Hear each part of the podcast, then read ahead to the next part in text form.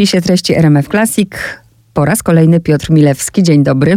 Dzień dobry. Mówię po raz kolejny, bo być może słuchacze, nie być może, tylko na pewno pamiętacie, ta rozmowa cały czas jest dostępna w podcastach. Rozmawialiśmy z Piotrem Milewskim o książce Planeta K, a teraz mam dzienniki japońskie. Ale zanim o tych dziennikach, to y, jak się najlepiej po japońsku przywitać? Tak, tak jak my, nie znamy się i... No jeśli spotykamy się po raz pierwszy, to w języku japońskim, który jest bardzo dużo takich ustalonych zwrotów grzecznościowych, należałoby powiedzieć hajime maście, czyli właśnie widzimy się po raz pierwszy, a potem y, się przedstawić. Mirewski Piotr Tomosimas. Dozo Jorośku Onegaishimasu. Oddaję się w Pani i Państwa słuchaczy ręce. A jak widzimy się, słyszymy się, bo się nie widzimy w sumie, to słyszymy się drugi raz, to wtedy? To wtedy możemy powiedzieć konnichiwa lub jeśli jest już y, późna pora konbanwa, czyli dobry wieczór i ewentualnie y, zapytać o zdrowie i samopoczucie Ogenki deska. A to jest tak samo jak w Stanach, że jak ktoś pyta how are you, how do you do, to no how do you do to wiadomo how do you do, ale jak how are you, to, to wszyscy tak, jest super, nawet jak im się dom wali.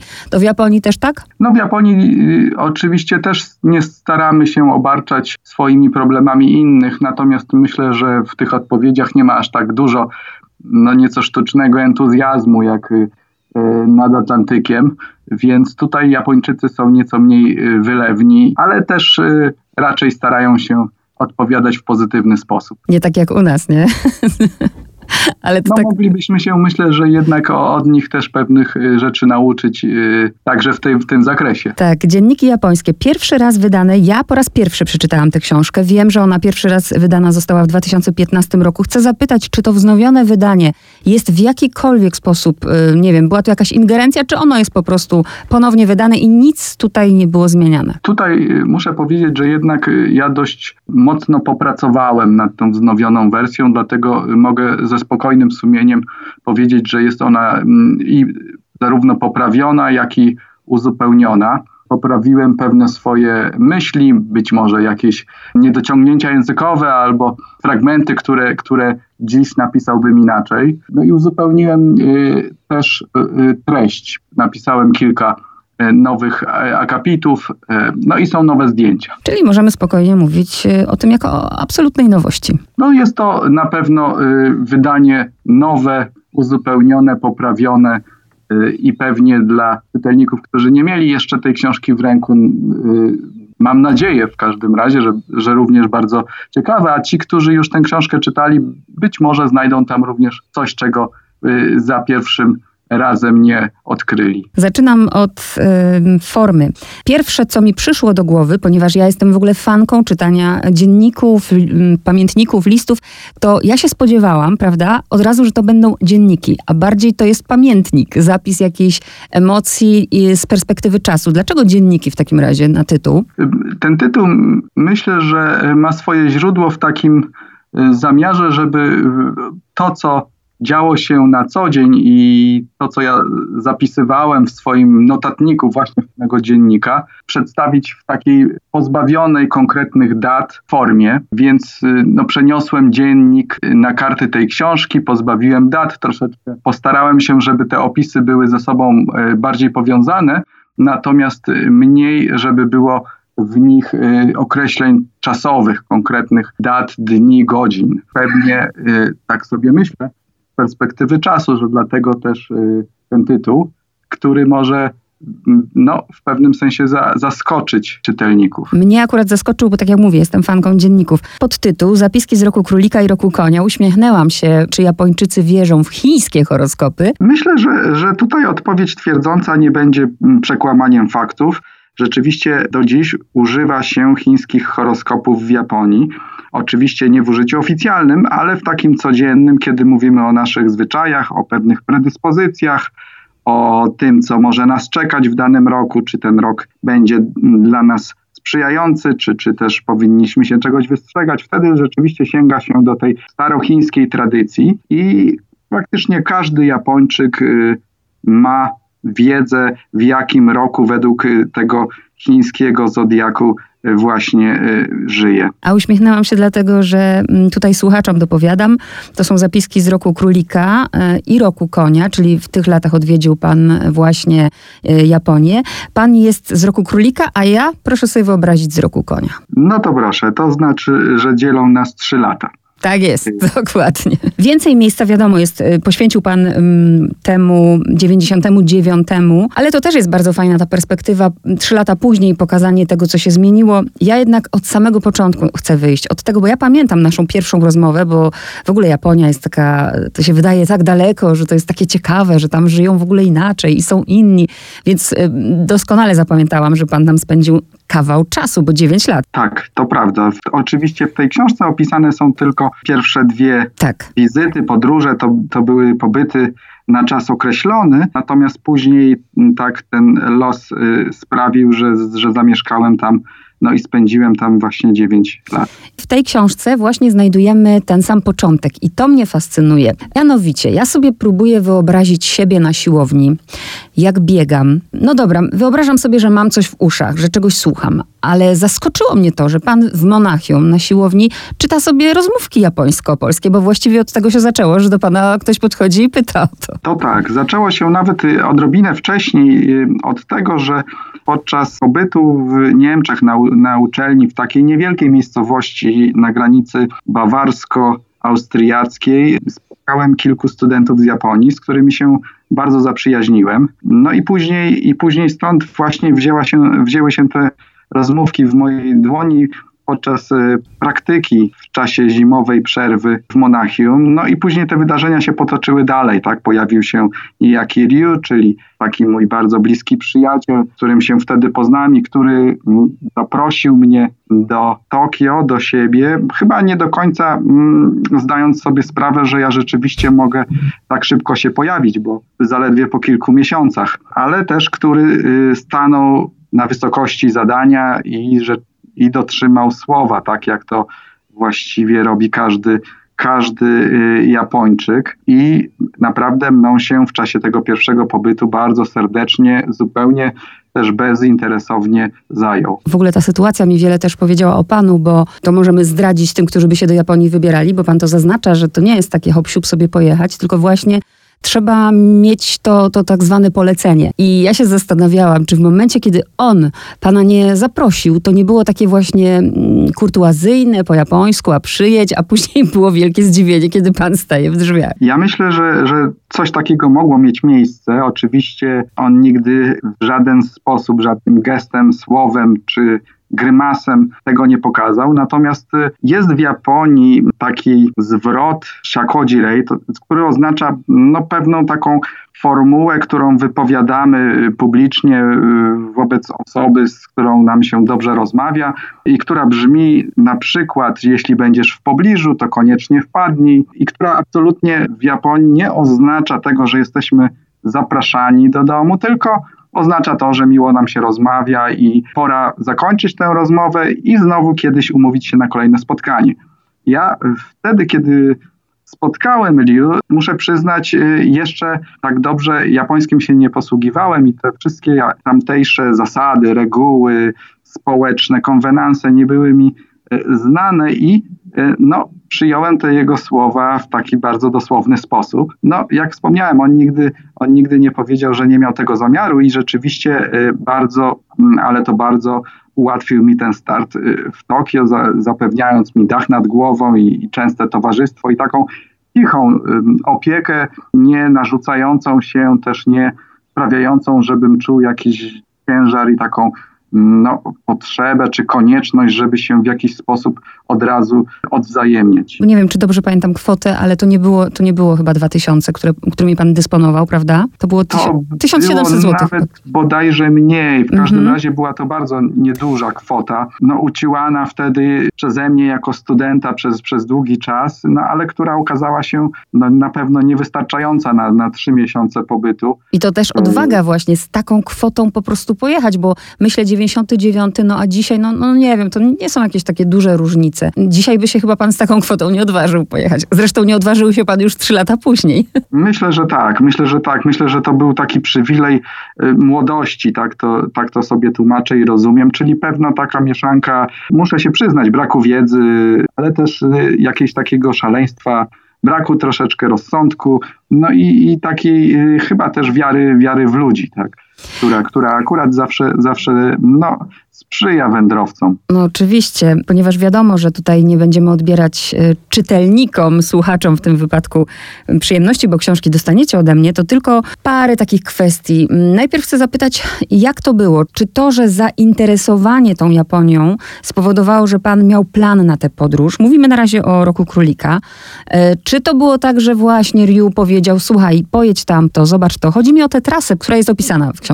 To znaczy wybór trasy nie był taki trudny, on był bardzo mm, naturalny w pewien sposób, dlatego że Japonia jest krajem górzystym i rzeczywiście większość tych dużych miejscowości, ciekawych y, miejsc, przynajmniej no, dla kogoś, kto jest tam po raz pierwszy, więc wszystko jest dla niego nowe i nieznane, leży wzdłuż y, tak, dawnych traktów, które biegły pomiędzy stolicami, to znaczy między Tokio które dawniej nazywało się Edo i Kyoto, które było dawniej stolicą, a dzisiaj jest dalej no, uważane za, za takim centrum kulturowe, też religijne w Japonii. I rzeczywiście ja w taki bardzo naturalny sposób ruszyłem w tamtą stronę. Ruszyłem oczywiście y, no, już nie y, na piechotę, czy, czy, czy też y, w jakiś taki dawny sposób, tylko korzystając z autostopu, ale jednak poruszając się po po tych śladach dawnego traktu. No i pomiędzy tymi miejscowościami, które no, interesowały mnie najbardziej. Kiedy ja myślę o Japonii, to rzeczywiście ja zamykam oczy i widzę, nie wiem dlaczego, nie mam pojęcia, nie, nie mnie pan zastrzeli, nie wiem dlaczego widzę różowy. Kiedy Kyoto chyba pan opisuje, mm, zastanawia się nad kolorem i mówi o szarości. To mnie bardzo zaskoczyło. O ile dobrze pamiętam, odnoszę to właściwie do Dnia. większości miast japońskich. Tak, tak. I piszę, no odważam się na takie stwierdzenie, ono jest oczywiście dość ogólne i ponoszę tutaj ryzyko jako autor, że japońskie miasta za dnia no, są dość szare i w większości nie grzeszą specjalną architekturą. Kyoto w pewnym sensie jest, jest wyjątkiem, to znaczy Kyoto zachowało się bardzo e, dużo starej, średniowiecznej e, architektury, ale też e, jednak jest ona bardzo mocno poprzetykana współczesnymi, często no, niezbyt atrakcyjnymi dla nas budynkami. I tak naprawdę dopiero kiedy zapadają ciemności, roz, rozświetlają się neony, to wtedy japońskie miasta no, uzysk, odzyskują pewien taki blask, troszeczkę y, tajemnicę i, i taką no, wizualną atrakcyjność, tak, która sprawia, że wyglądają jak tętniące życiem y, metropolie. A te zdjęcia, które są w książce, to są y, pana zdjęcia, tak? Tak, te mhm. wszystkie zdjęcia, które są w książce, to są zdjęcia, które, które ja wykonałem. Tokio, Osaka, Kyoto. O tyle na przykład jak pojawia się Nara, to dla mnie już to była nowość. No, Nara jest y, bardzo ważnym miastem dla, dla każdego Japończyka, dlatego że była stolicą Japonii w jeszcze zanim miejsce stoliczne, czyli, czyli siedziba cesarza i jego dworu przeniosła się do dzisiejszego Kyoto.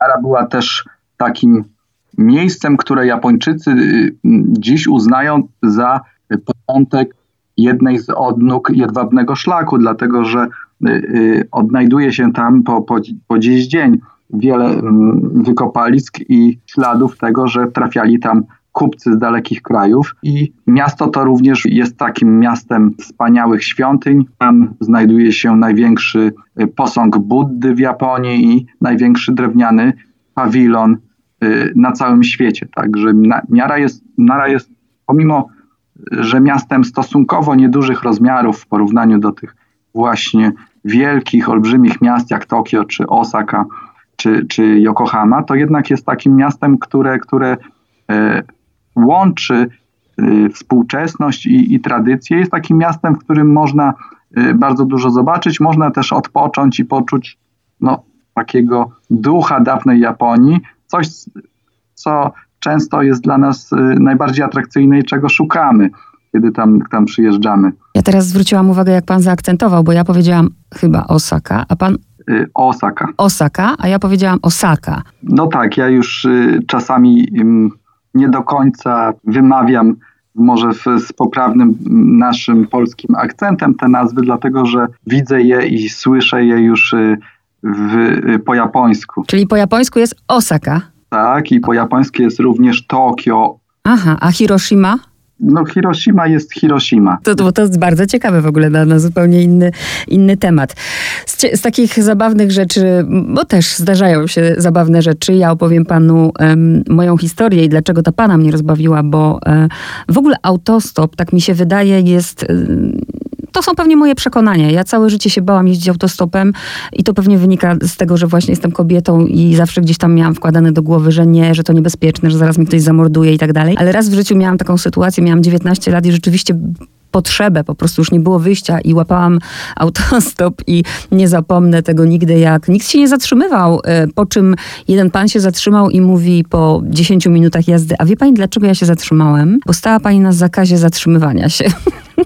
I mniej więcej przypomniało mi to pana historię, proszę ją opowiedzieć. Z tym kciukiem, którą pan opisuje. To był sam początek. Tak. tak. To był ten pierwszy dzień, pamiętam go do dziś, dlatego że przez y, pierwsze kilka tygodni, które spędziłem w Tokio, y, no wypatrywałem błękitu na niebie. Była pora deszczowa, taki, taki czas bardzo trudny dla, dla Japończyków. Panuje duża już wysoka temperatura, bardzo wysoka wilgotność i rzeczywiście no to jest taki czas, który ja porównuję u nas do, do późnej jesieni, kiedy raczej spuszczamy nos na kwintę i, i marzymy o tym, żeby wreszcie ta pora roku się skończyła. I tego dnia, kiedy po raz pierwszy zobaczyłem taką błękitną łatę na niebie, spakowałem się, pojechałem na obrzeża Tokio, no i z zamiarem, żeby wyruszyć w drogę. I, i rzeczywiście wysunąłem kciuk, tak, naszym europejskim, zachodnim, można powiedzieć, zwyczajem. No i wtedy podjechał pierwszy samochód, zwolnił, uchyliło się okno i zobaczyłem wysuniętą dłoń z uniesionym kciukiem. Po czym dłoń się cofnęła, okno zamknęło, samochód odjechał. I tak minęły mnie dwa, trzy samochody, kierowcy wszyscy wykonywali ten sam gest, ja nie wiedziałam o co chodzi. Tutaj zacząłem się nawet nieco denerwować, czy przypadkiem nie trafiam na żartownisiów, ale jednak to nie byłoby w stylu japońskim. W końcu, żeby za długo nie opowiadać, któryś z kierowców y, jednak zabrał mnie ze sobą i wytłumaczył, że ten gest w Japonii oznacza, że wszystko jest w porządku. To znaczy, że ci wszyscy kierowcy no, widzieli y, człowieka, który stoi przy drodze i pokazuje, że jest u niego wszystko w porządku, no i odpowiadali tym samym. to jest świetne. Zastanawiam się, no jest to radio, więc trudno to opisać, ale czy, czy, czy dowiedział się pan, jak, jak zatrzymać autostop, jak, jak, jakim gestem? Tak, oczywiście. Autostop w Japonii nie jest praktykowaną formą przemieszczania się. Ja muszę przyznać, że w ciągu 9 lat, które spędziłem w Japonii, widziałem może czterech, może pięciu japońskich autostopowiczów, więc ta forma podróżowania nie jest popularna, ale już wtedy za pierwszym razem mm, też życzliwy kierowca jakby zasugerował, że zamiast wystawiać kciuk, powinienem na kawałku papieru, kartonu y, zapisywać najlepiej japońskimi znakami właśnie miejsca, do których y, chcę jechać, bo w ten sposób y, jeśli nawet y, nie przekonam kierowców, to przynajmniej jakby dam im do myślenia do, i zaciekawię ich, tak? To sprawi, że rośnie szansa, że ktoś się jednak zatrzyma, żeby uratować takiego podróżnika jak ja. Mamy takie jedno zdjęcie, gdzie pan stoi Thank you Japan, prawda, z takim kartonikiem. To już na zdjęcie zrobione na sam koniec, dzień powrotu.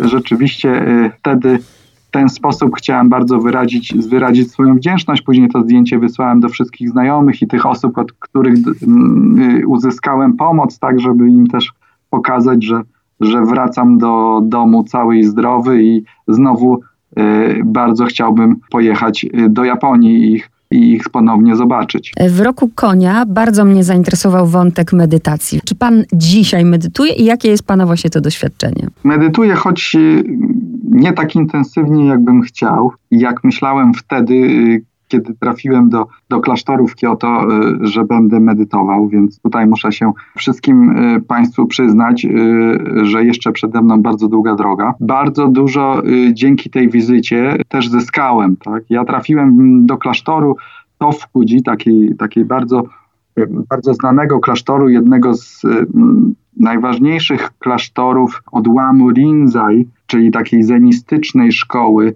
jednej z trzech w Japonii. I trafiłem tam nie na warsztat medytacyjny, tylko trafiłem tam po prostu wprost na, do klasztoru i zamieszkałem łącznie wraz z adeptami, którzy szkolili się tam podczas takich trzyletnich kursów czy trzyletniego pobytu. No I od razu wpadłem na głęboką wodę, bo nie miałem i właściwie pięć minut po tym, jak przekroczyłem bramy klasztoru, dostałem klasztorne ubranie i musiałem się y, poddać tej, temu całemu rygorowi, który wiąże się z, z pobytem w tym klasztorze, wczesnym pobudkom, medytacją, sprzątaniu, no i także komarom, tak, które wtedy, mm. była, to, była to letnia pora, bardzo, bardzo, który mi to współistnienie jest, y, myślę, tak z perspektywy czasu również jakąś formą praktyki. Zazdroszczę tego doświadczenia tak samo jak tego, absolutnie to rozumiem. Tam w kilku miejscach pan to zaznacza, że tylko, tylko żeby zrozumieć na przykład tę wilgoć, to trzeba tam być, albo żeby zrozumieć, że naprawdę tam, w tym klimacie najbardziej smakują ryby. No ja, ja tego nie wiem, ja tylko mogę panu uwierzyć. To prawda. To bardzo trudno wyrazić słowami, to bardzo trudno wyrazić myślę, y, nawet obrazem, obrazami. Po prostu, po prostu prawdopodobnie wynika to z tego, że y, w Japonii nie jemy tylko ustami, jemy oczami, jemy również w jakiś sposób y, czując zapachy i to wszystko składa się w jakąś taką całość i tworzy ten, to wrażenie i te emocje, które, które w nas jedzenie wywołuje. Aczkolwiek są też takie momenty, najpierw pomyślałam, że ach, to by mnie odstraszało od Japończyków, ale z drugiej strony jaką ja mam pewność, że my tacy nie jesteśmy?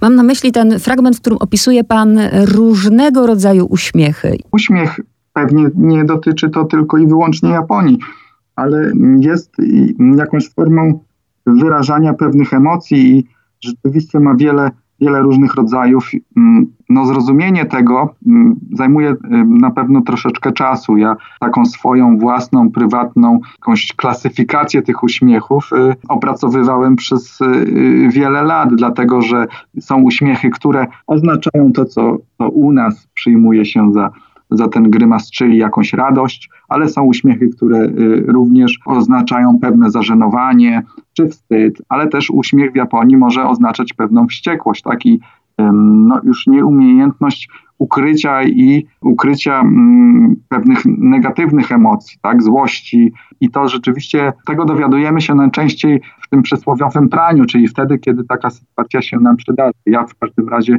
tak, y, tak te uśmiechy poznawałem. Zmierzam powoli do końca naszej rozmowy. Bardzo mi się podoba to podsumowanie, przynajmniej w, w roku królika to znajdujemy, że odebrał pan właśnie wiele lekcji i y, oczywiście nauczyłem się zawiązywać pół żołądka na supę. Wiemy już, y, ile miał pan do dyspozycji pieniędzy i z czym to się wiązało, ale dowiedziałem się, jak nie oczekiwać zbyt wiele, jak nie przejmować się, gdy sprawy nie idą we właściwym kierunku, jak zaufać dobrej woli i serdeczności drugiego człowieka i jak uwierzyć w bezinteresowność i docenić najdrobniejszy gest. Czy, czy to się utrzymuje? Czy, czy rzeczywiście pan y, z tych lekcji korzysta tutaj, na naszej polskiej ziemi? Odpowiem tak, że bardzo się staram, ale czuję, że już nadszedł moment na korepetycję. Świetna odpowiedź. Bardzo panu dziękuję. Fragmenty jak zwykle w najbliższym spisie treści w poniedziałek, a na podstronie i na podcaście całość wyślę link. Bardzo dziękuję, dziękuję za pamięć i za czas i za, za entuzjazm. I bardzo się cieszę, że też no, informacja o tej książce dotrze do, do czytelników.